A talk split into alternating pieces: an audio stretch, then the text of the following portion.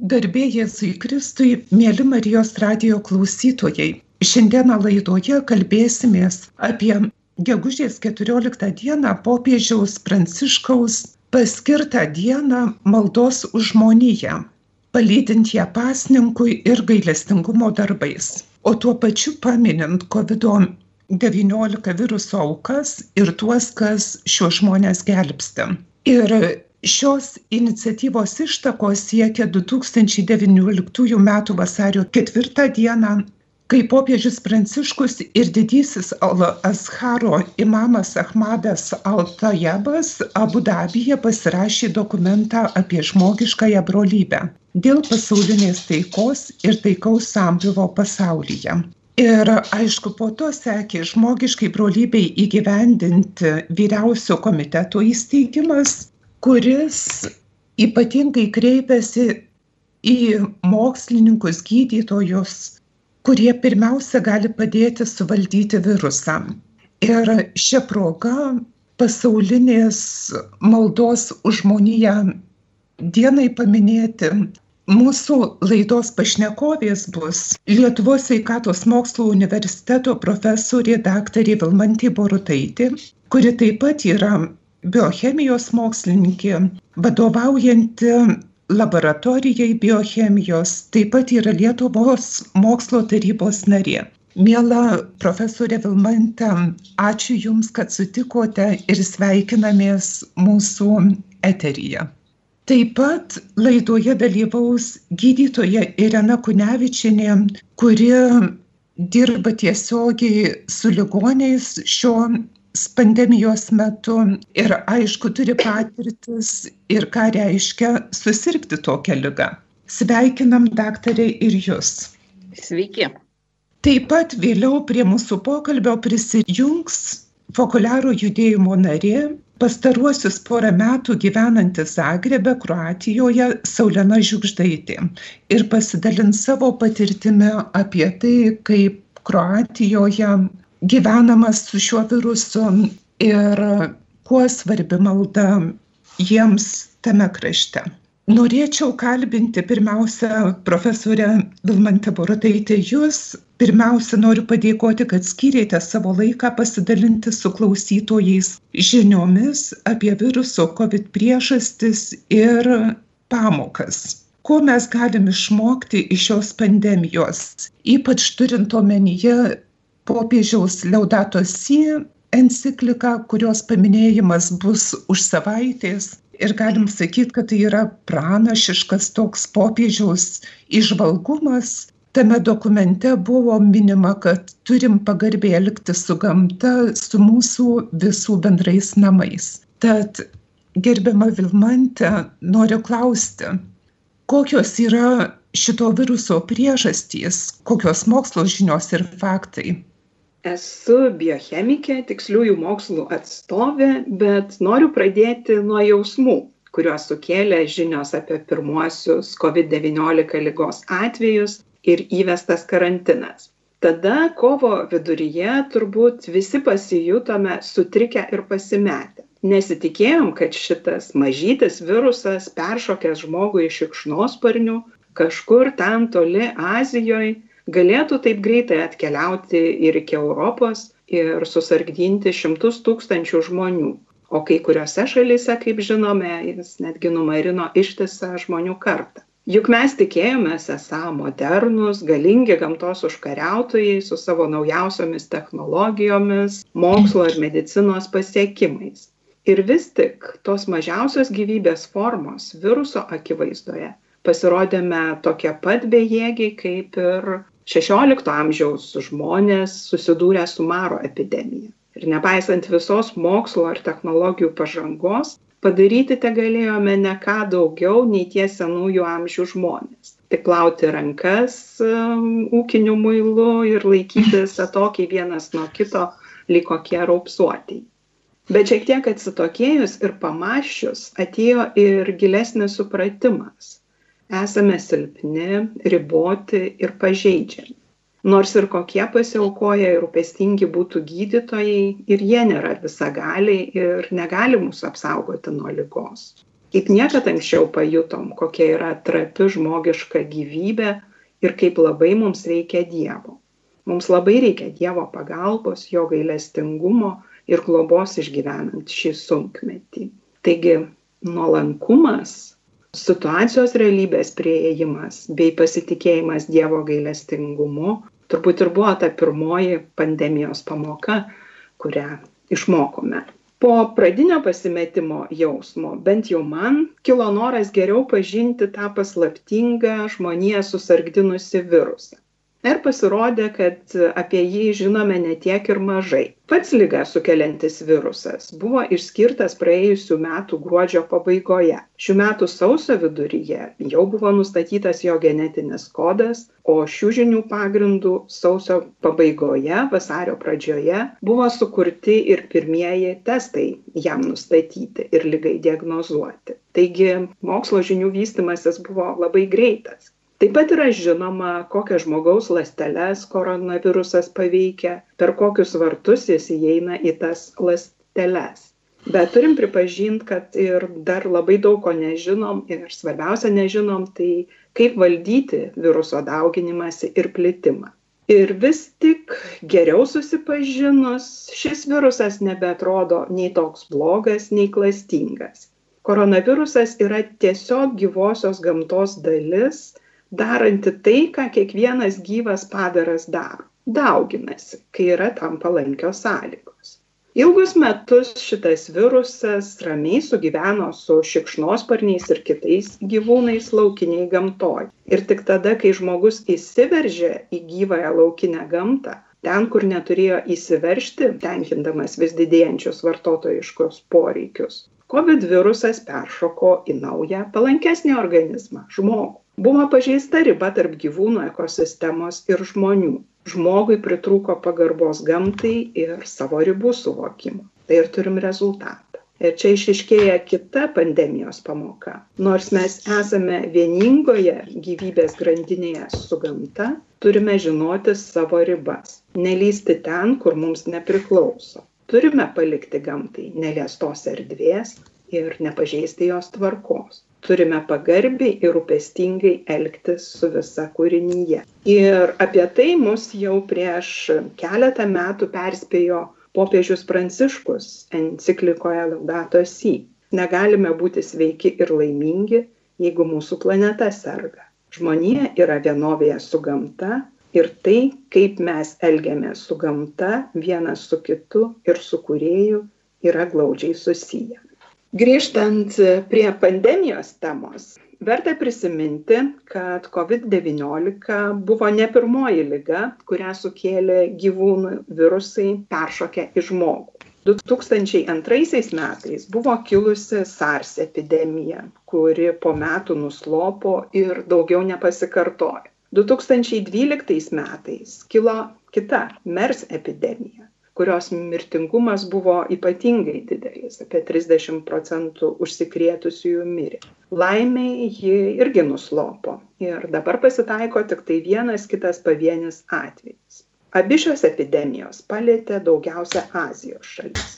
Vėliau du tūkstančiai šešioliktaisiais metais um, afrikoje kilo ebolos epidemija. Dabar turime covid devyniolika apėmusią jau visą pasaulį mokslininkams virusologams ir epidemiologams covid epidemija nebuvo netikėta. Jie jau seniai sakė kad klausimas yra ne ar kils epidemija bet tik kada ji kils. O kokia buvo mūsų reakcija į ankstesnes epidemijas? Daugelis ne tik kad eilinių žmonių bet ir valstybių vadovų tiesiog nekreipė į jas dėmesio. Jos buvo ten kažkur toli nepalietė nei mūsų nei mūsų ekonomikos deja naujoji epidemija atkeliavo ir pas mus. Ir mes vakariečiai pasirodėme tokie patys žmonės kaip ir azijoj ar afrikoj pažeidžiami ir ligoti. Ir negalime patys vieni apsisaugoti nuo šio viruso. Dabar daug kalbama ir visi daug tikimės iš kuriamos vakcinos. Bet yra ir didžiulis rūpestis kad jeigu bus sukurta ta vakcina ji turi būti prieinama visiems žmonėms pasauly net ir pačioms skurdžiausioms šalims nes kol yra nors vienas užkrato židinys pasaulyje negalime būti ramus ir tikri, jog išliksime ir mes sveiki ir gyvi. Taigi turime būti solidarūs su visa žmonija.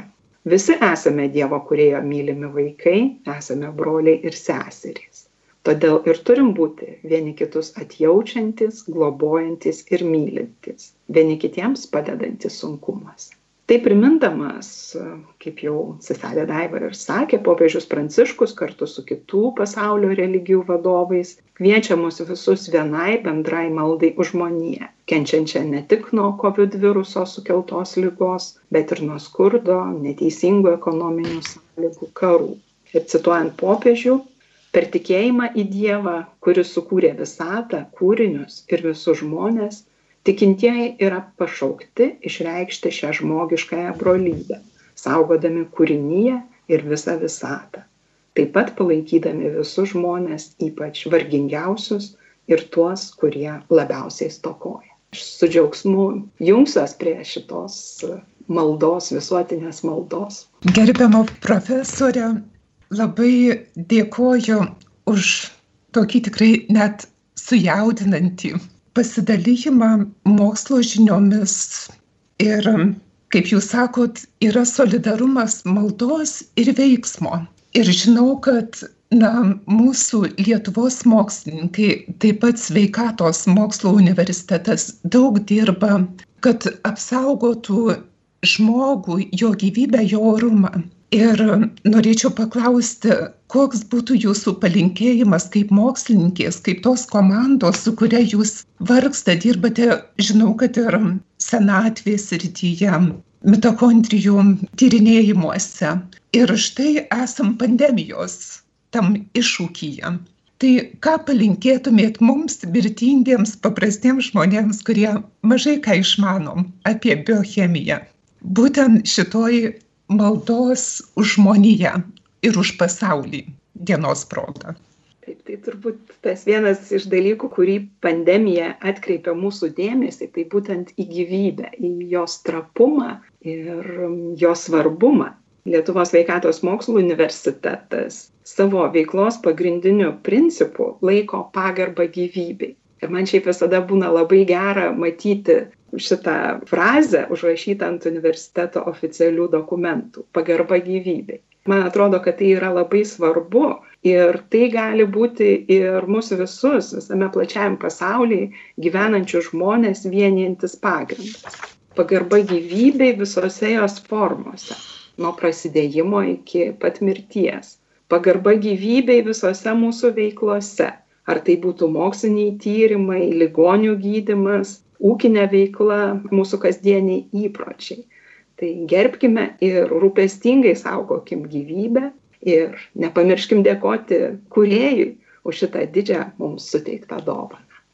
Labai ačiū už palinkėjimus, kurie mus tarsi atgręžia į gydytoją Ireną Kunevičianę, kuri yra mūsų antroji pašnekovė ir norim pakalbinti jus daktare irena. Štai šventasis tėvas nuolat primygtinai mus kviečia melstis už gydytojus už medikus kurie yra pirmose gretose tarsi kare kovojantys už tą gyvybę apie kurią kalbėjo profesorė vilmantė.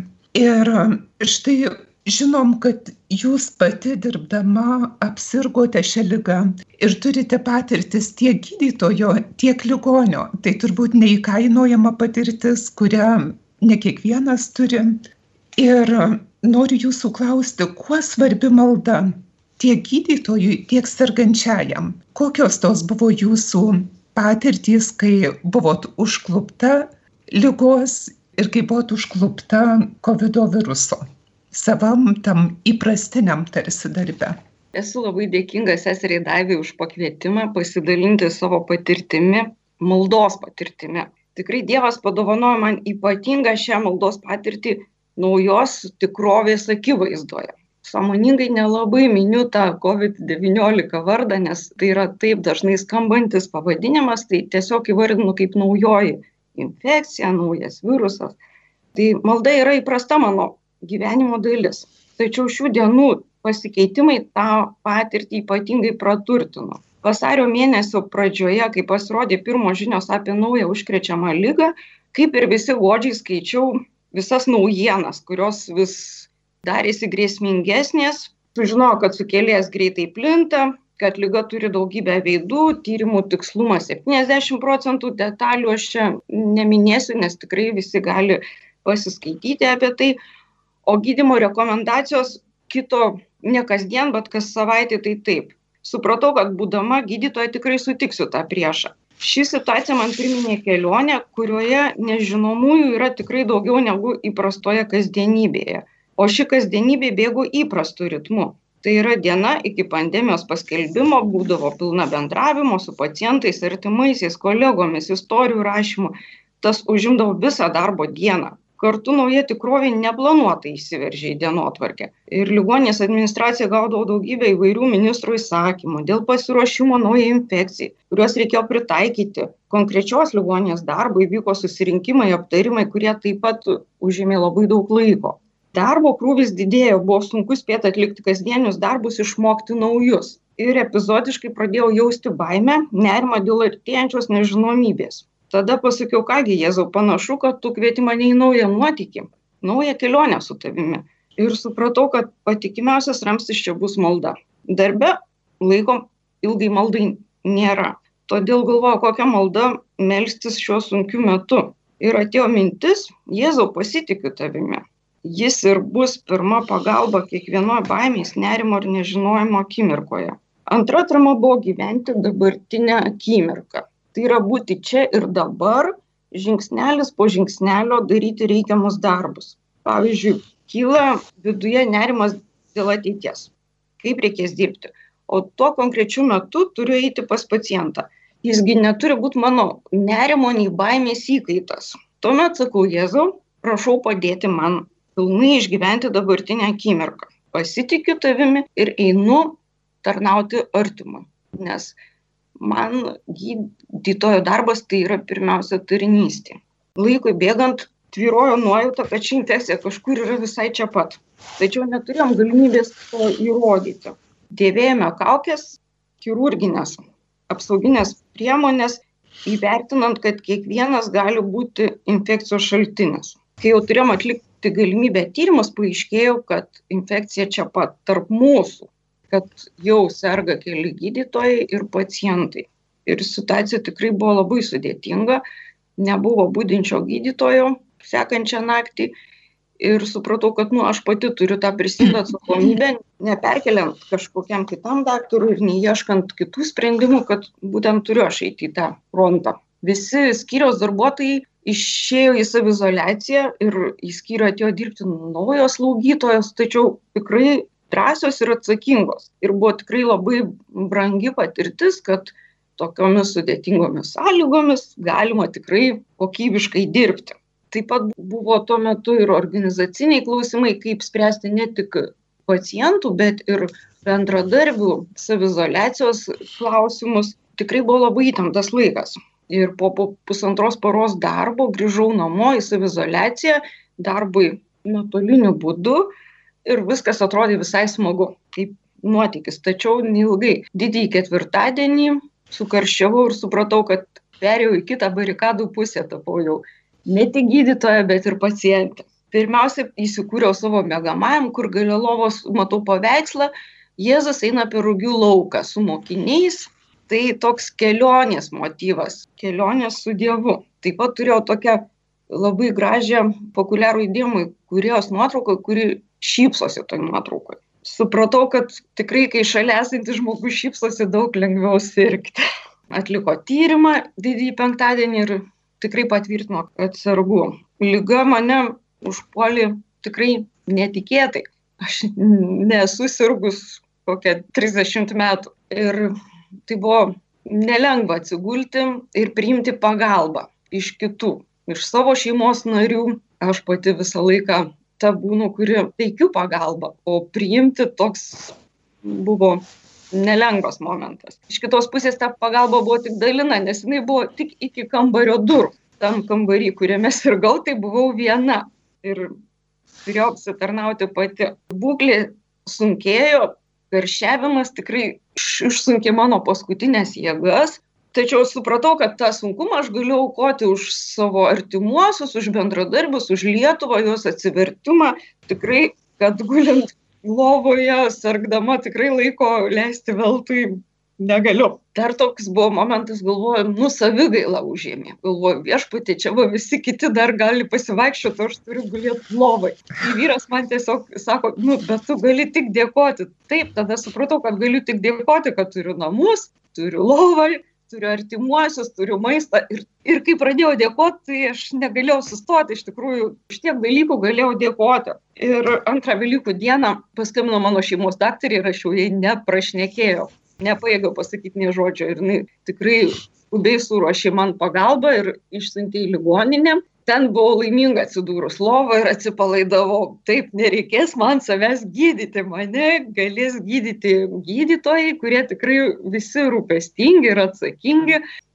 Iš karto pradėjo man skirti tą tokį vadinamą eksperimentinį gydimą, kuris taip pat ne vienareikšmis yra, aš toj poliau pati skaityti, iš paskutiniųjų. Tačiau e, svarbiausias momentas man buvo, kad viskas, dabar aš savo sveikatą atiduodu į gydytojų rankas ir jais pilnai pasitikiu. Stengiuosi nevertinti, nekomentuoti ir nekritikuoti. Nenorėdama parodyti savo kompetencijos ar nekompetencijos, taip, aš pilnai esu pacientė. Ir būklė iš tikrųjų pradėjo gerėti, pasipylė žinutės skambučiai iš draugų, iš ateitininkų bei populiarų bendruomenių buvo palaikymas malda. Užlėjo, nu tikrai didžiulė maldų banga. Visi džiaugiasi, kad gali bendrai melstis už mane ir aišku už visus sergančius bei gydytojus, kurie rūpinasi sergančiųjų sveikata. Net bendradarbės susijungė maldą ir džiaugiasi, kad tikrai prisijungė prie tos maldos žmonės, kurie net netrodė, kad gali melstis. Ir mano draugės, kurios tikrai nemaniau, kad moka melstis, sakė, sukalbėjau už tave maldelę, kokią tik prisiminiau. Turiu pasakyti, kad buvo tokia akimirka, kai jaučiau, kad mirtis gali būti šalia, kad ji yra šalia. Tai tas maldų palaikymas buvo tikrai nu, ypatinga malonė. Ir garbė Dievui dėkoju šitą neapsakomą meilės patirtį, kurią išgyvenau lygos metu. Nežinau, kaip būtų buvę be tų maldų. Dėkoju Dievui už tą patirtį, už tai, kad jaučiau jį visada šalia, už išbandymą, už pasitikėjimą, nuostabę maldos bendrystę. Ir tik tai noriu liūdyti, kokia milžiniška jėga yra malda, ypatingai bendra malda. Ir todėl kviečiu atsiliepti popiežiaus kvietimą melstis už žmoniją jungtis visiems į šitą maldą ir pasninką, ir gerų darbų darimą. Ir patirti tos maldos bendrystės džiaugsmą bei jo pasidalinti. Ačiū Jums. Labai ačiū, daktarė Irena, Jums už tokį, na, gilų, labai išvalgų ir, galiu sakyti, labai įvairialypį pasidalijimą, tikrai tankų. Tai ačiū Jums ir štai, mėly Marijos radio klausytojai, išklausėm du paliūdėjimus, dvi išvalgas apie popiežiaus kvietimo svarbą melstis už žmoniją. Jeigu profesorė Vilmantė Borutaitė kvietė pagarbai gyvybei nuolankumui, priimti pagarbiai ir gyvąją gamtą, ne tik vienam kitą žmogų. Tai panašiai ir daktarė Irena Kunevičianė pasidalijo savo patirtimis kaip gydytojos ir kaip ligonės. Ką reiškia malda, ką reiškia pasitikėjimas Jėzumi, džiaugsmingas prieimimas vienas kito. Ir mes, kurie buvom nelabai toli nuo daktarės Irenos, kai jis susirgo, galim liūdyti, kaip kunigai aukodavo šventas mišes prašydami, kad pagytų, neimdami aukos, tik sakydami, Dieve padėk šiai gydytojai ir kitiem mūsų ligonėms. Tai visi esam kviečiami melstis. Kaip jau girdėjom kelis kartus šioje laidoje, taip pat pasninkauti, nes tikrai turim už ką atsiprašyti ir dėl ko prašyti, kad viešpats gelbėtų žmoniją, kad gelbėtų mūsų pasaulį. Ir taip pat dalintis gerais darbais, rodyti gailestingumą patiems artimiausiems, kurie gyvena šalia mūsų, bet taip pat nepamiršti ir tų, kurie yra vargstantis, kurie galbūt negali įsigyti priemonių apsaugos ar vėliau ją išgyvensim, kai reikės vakcinos, kad ir mūsų kaimynas, gal gerintis, gal neturintis nieko, galėtų būti aprūpintas tuo, kas teiktų saugumą ir jam, ir visai žmonijai. Ačiū Jums, mielos pašnekovės, ir keliausime į Kroatiją. Miela Saulena, sveikinam iš Lietuvos. Sveiki, sveiki Lietuva. Mėly Marijos radio klausytojai, susisiekėme su Zagrebe, Kroatijoje dirbančia Saulena Žiugždaitė, kuri yra fokuliarų judėjimo narė ir Bernardinai LT bendradarbė. Ir Mėla Saulena, noriu pakalbinti, kaip sekasi Kroatijoje, kokiu tikslu esi išvykusi ir kaip seniai ten esi. Na, prieš du metus gavau tokią galimybę pakeisti gyvenamą vietą ir patekau į Zagrebą, į Kroatiją. O kaip minėjai, esu Fokuliarų judėjimo narė, būtent e, tos mažos bendruomenės, kuri yra šio judėjimo apimančio įvairius pašaukimus kaip centras.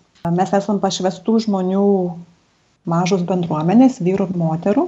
Ir paprastai tarptautinės, tai yra ir Lietuvoje, Vilniaus Fokuliarė, šiuo metu yra italės, dvi, yra vokietės, yra lietuvės. Ir paprastai laiko tarpas, kurį praleidžiame vienoje iš tokių bendruomenių, yra ribotas. Mes keičiam savo gyvenamą vietą, savo paskirties vietą, paskirimo vietą.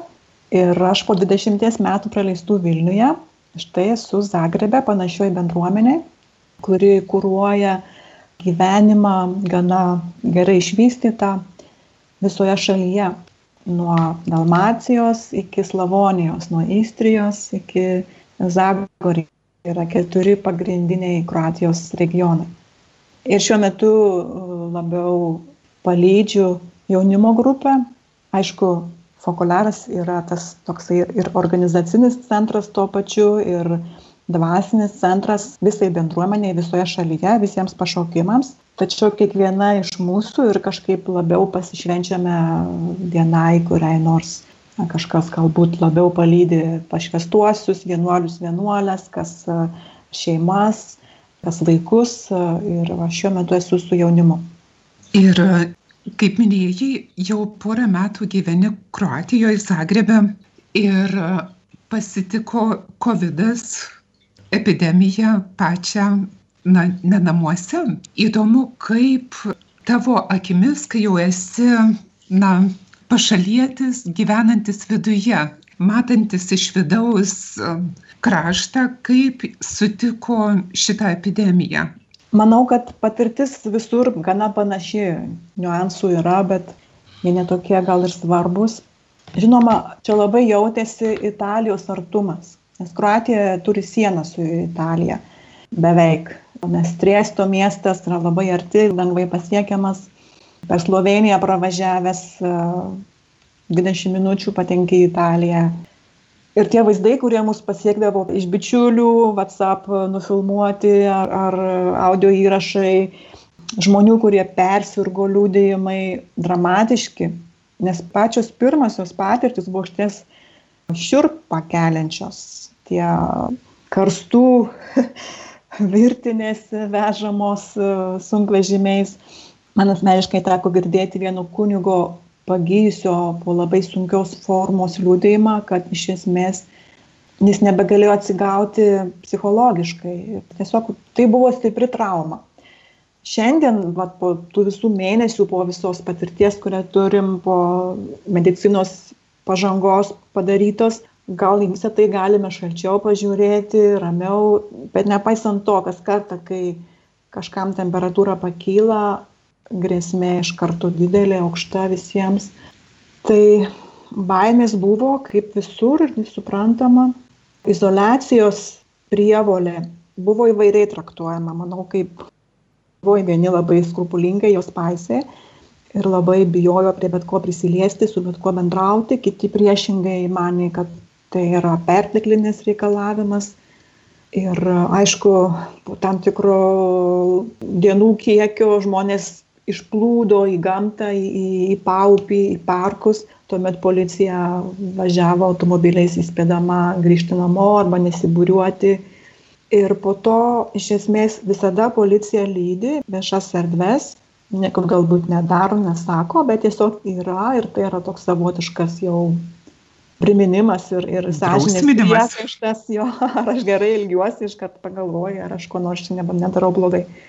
O šiaip žmonės viena vertus yra labiau galbūt betodairiški, man atrodo, arba tokie nepaisantis taisyklių, kita vertus labai jų paisantis, jau jeigu paiso, tai, nu, tai irgi labai subjektyvu iš tikrųjų du metai šalyje iš pradžių kai atvažiuoji tau atrodo kad tu viską čia supranti ir ir gali pasakyti kuo jie skiriasi nuo lietuvių ką jie daro blogiau ką jie daro geriau bet po to kai įsigyveni um, darosi sunkiau įžvelgti tuos arba kategoriškiau kažkaip sakyti, ar ne? Iš tikrųjų, kiekviena šeima turi savo istoriją, savo patirtį ir tai ją apibrėžia, tai lemia jos laikysena.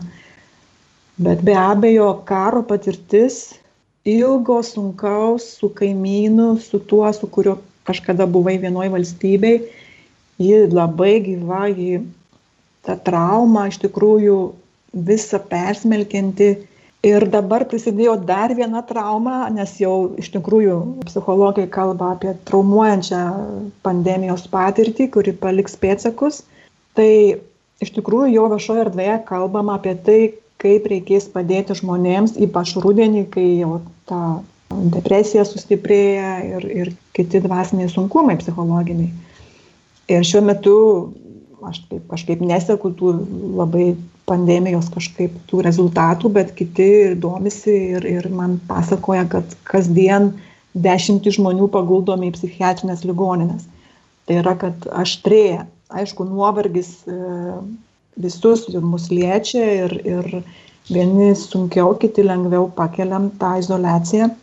Rutina susitraukusio gyvenimo, bet dar turbūt Saulina jums ir tau ir tiems, su kuriais gyveni to šalies žmonėms. Dar viena trauma ir tokia sunki patirtis buvo žemės drebėjimas, tik prasidėjus e, pandemijai. Ar taip? Bažnyčios uždarė per šventą Juozapą. Simboliškai labai. Juozapas čia yra labiausiai mylimas šventasis ir bažnyčiose gali rasti užrašų eikite pas Juozapą. Ir tai buvo labai simboliška, žmonės kalbėjo, štai Juozapas mus dabar apsaugos. Ir sekmadienį, 22 kovo, tai yra praėjus trim dienom, keturiom, 7 ryto, dar anksčiau, tas žemės drebėjimas visus pažadino visi išėjom pirmą kartą oficialiai į kiemus, į gatves ir viens į kitą pažiūrėjom, pamatėm. Man tai buvo pirma patirtis iš tikrųjų, va taip asmeniškai gyvai. Išbėgom, apsirengėm kažkuo, aš net nespėjau nieko padarai pasiimti, tik telefoną. Ir po to sprendėm, ką darysim toliau. Po geros valandos, kai tarsi nebegrįžo smūgiai, nusprendėm grįžti į namus ir papusryčiauti, nes ta visa emocija, tas visas netikėtumas ir tas stresas e, tave mobilizuoja, bet paskui jautiesi, kad jėgos štaiga apleidžia. Tada tiesiog papusryčiavom stipriai ir galvojom, ką darysim toliau. Mes turėjom renginį internetu tą visą dieną ir tada, ką man labiau patyrę žmonės patarė susikrauti kuprinę, pasiimti pinigus, pasą, dantų šepetėlį, įsidėjau pižamą ir tada, kad jau čiptum ir bėgtum. Bet sekmadienis praėjo ramiai. Antras smūgis buvo, dabar nebeprisimenu tiksliai, netrukus. Netrukus buvo antras smūgis tą pačią dieną vėliau. Bet po to viskas nurimo, tiesiog nuolatos iki šiandien dienos yra žemės virpesiai. Tai yra man kaip aiškino čia žmonės, kad tiesiog tas energijos pliūpsnis, kuris išėjo per drebėjimą, kuris buvo impulsas duotas, tada dabar tiesiog ta energija išsilygina, jinai turi kažkaip išeiti. Ir tiesiog kartais nebesigaudai, ar pravažiavo sunkvežimis ir namas virpa, ar, ar čia tas žemės virpėjimas. E, bet jau praėjo daugiau nei 30 dienų ir tie virpesiai yra ir tai suteikia tokį, nežinau, šiek tiek apsipratau, bet e, tokį ilgesį kažko stabilaus po kojomis tai jaučiu. Taip, ir Zagrebo katedra turbūt irgi palėtė taip kaip ir tave šitie smūgiai, kas nutiko. O taip, turbūt buvo skaudžiausiai matyti išgriautą senamestį, miesto centrą istorinį, kurio taip didžiuojasi Zagrebas. Ir viena bažnyčių, jezuitų bažnyčia, labai žmonių mylima, irgi buvo labai sugadinta, tai yra nukrito lubos į navą, nu, į, į centrinę navą. Tai ką beliko žmonėms sakyti ačiū pandemijai, kad mes nebuvom tuo metu mišiuose, nes būtų aukų buvę nežinau kiek. O katedros bokštos mailė nulūžo ir 30 tonų bokštas smigo kurijos kieme, pažadindamas eminenciją kardinolą, kuris neatsigavo iki šiandien nuo to smūgio kurijos pastatas irgi yra sugadintas, nebegyvenamas, kaip ir daugelis, daugelis tam kvartale. Ir vėliau kruatų specialistai apskaičiavo ir nupjovė taip pat ir kitą smailę, kairėją smailę, dėl to, kad po antro pasaulinio karo per Jugoslavijos klėstėjimą tie bokštai buvo paaukštinti ne pagal pirmąjį originalų projektą ir tikriausiai neapskaičiuotai paaukštinti ir vat, tapo grėsme gyventojams. Ir šiuo metu senamestis, ta centrinė dalis yra daugelis gatvių uždarytos dėl to, kad yra pavojus, kad nukris koks nors kaminas ar, ar plokštė, o žmonės iškelti, kas galėjo išvažiavo pas giminaičius į kaimus ar kažkur kitur, tie, kas neturėjo kur apsigyveno bendrabučiuose, studentų bendrabutyje, ir skundžiasi kad valdžia jiems nepadeda kad nieko negirdi jokių žinių ar jie gaus pinigų ar ką. Kol kas žadamos labai nedidelės sumos kurios aišku problemos neišspręs o pastarosiomis dienomis kalbama kad reikės dešimtmečio kol bus atstatytas nes nori atstatyti tą istorinę vietovę išties pastatai yra seni neduok dieve vilniui tokį žemės drebėjimą ir jie jie buvo rizikos zonoje tačiau nugriauti juos ir statyti kažką šiuolaikiško irgi gaila miestui, kuris gyvena iš tikrųjų iš turistų. Tai, tai ką sakai, Saulina labai susišaukia su popiežiaus kvietimu melstis už žmoniją paliestą COVID pandemijos ir popiežius sako laiške su imamu kartu pasirašytam prieš metus laiko, kad esame Dievo kurėjo vaikai. Tai jeigu Dievo kurėjo vaikai, tai broliai ir seserys. Ir kviečia, kad melstumės vieni už kitus šitoj, na, gegužės 14 dieną, kai bus paminima COVID paliestų žmonių, žmonijos diena, maldos diena ir kad ir melstis, pasnikauti, daryti gerus darbus, gailestingumo darbus. Ir sako, jeigu mes prisimam tokią perspektyvą, tai jinai pakeičia mūsų tikrovę, perkeičia ją ir pažada, kad viskas bus gerai. Tai panašiai, žinai, kaip tas Zagrebo sugriautas senamiestis atrodo žmonija visa irgi supurtyta. Ir jai reikia atsigavimo. Tai noriu tavęs klausti na kaip sakei ir tau norisi stabilumo kad jau nebūtų tų žemės drebėjimų. Kaip malda padeda mum va tas santykis? Mes esam vieni su kitais suausti į vieną tankų audinį nežiūrint to kad gyvenam skirtingose šalyse gyvenam šalia skirtingų tautybių žmonių ir turime skirtingas patirtis tai tuo pačiu ir klausiu ir kviečiu tokiam kaip ir palinkėjimui Lietuvos tikintiesiems, kurie girdi tave iš taip toli. Sunkus klausimas. Manau, kad malda yra toks vienas iš tų bendražmogiškų dalykų, tų primityvių, pirmykščių dalykų, bendrų mums visiems. Ir tikriausiai šiandien akivaizdu jau nebesikartosiu, kad mes esam viena, pasaulis yra vienas. Ta pamatėm ne geruoju, bet bloguoju. Ir gal tas bendras blogis, kaip sako ekonomistas Liudžinas Brūni, pagaliau padės suprasti, kad reikia siekti ir bendro gėrio. Man bus gerai, kai tau bus gerai. Tau bus gerai, kai man bus gerai ir savotiškai tikriausiai peršasi mintis peršasi išvada kad dievas mums vis tik reikalingas kad tėvas reikalingas kad mes pasijustume broliai kad um, visi jaustume savo vietą kad vienas kuris nepasijustų vyresnesnis už kitus arba ko gero be dievo mes nesugebam kitaip vat rasti rasti būdo nekariauti vienas su kitu, o ieškoti bendro to, bendro gėrio. O malda, kai mes iš tikrųjų pamatom tikrovę, kokia yra, kas aš esu, gal netoks visagalis, koks norėčiau ar kaip įsivaizduoju, kad nesu vienas pasaulyje, kad ne apie mane jis sukasi. Ir tas vadas decentralizacija, apie kurią vad, madinga dabar kalbėti, iš tikrųjų labai sveika ir maldoje mes tą patiriam arba turėtume patirti, kad dėmesio centre nebe aš, mano poreikiai, mano bėdos, mano baimės, bet Dievas. Ir man asmeniškai, kai prasidėjo pandemija, gal neklausai šito, bet pasidalinsiu, jaučiau nerimą kaip visi, bet klausiau savęs, o tai ko aš iš tikrųjų nerimauju, kogi aš bijau? Na ir galiausiai supratau aš bijau mirti.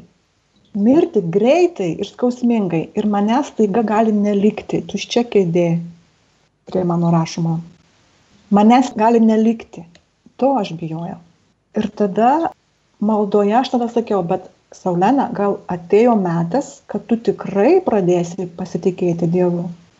Kad kas benutiks nu jis yra. Ir jis rankose laiko istoriją žmonijos istoriją visatos istoriją. Ir galbūt man teks praeiti kažką skaudaus ir sunkaus bet nu tai ne aš kontroliuoju situaciją. Ir manau kad tai mums visiems dabar tenka patirti daugiau mažiau ir pamatyti kad mūsų galingieji nėra tokie jau galingi ir premjerai suserga ir ir prezidentai ir taip toliau tai ko gero ir krikščionims dabar vat galimybė iš tikrųjų evangelizacija yra pati puikiausia paliudyti, kad mes tikim, kad Dievas yra ir kokios pasiekmes iš to išeina. Kad ne mes centre, o jis centre, vadinasi, kad gal net, net ne krikščionybė centre, gal, gal galim atpažinti brolį ir kitos religijos išpažinėjoje, pamatyti ir jos skausmą, persekiojami ne vien krikščionys.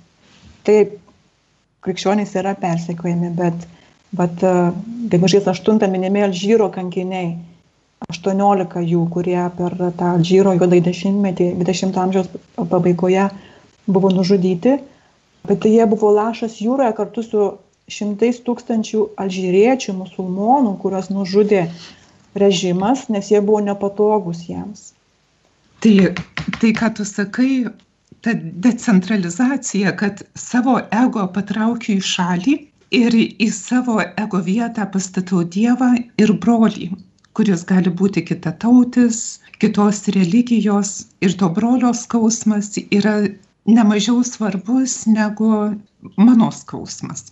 Ir rūpestis broliu padeda galbūt net ir pakelti žvilgsnį į Dievą brolis gali atvesti pas Dievą. Ir atvirkščiai, nuo Dievo mes būtinai turime eiti pas brolį.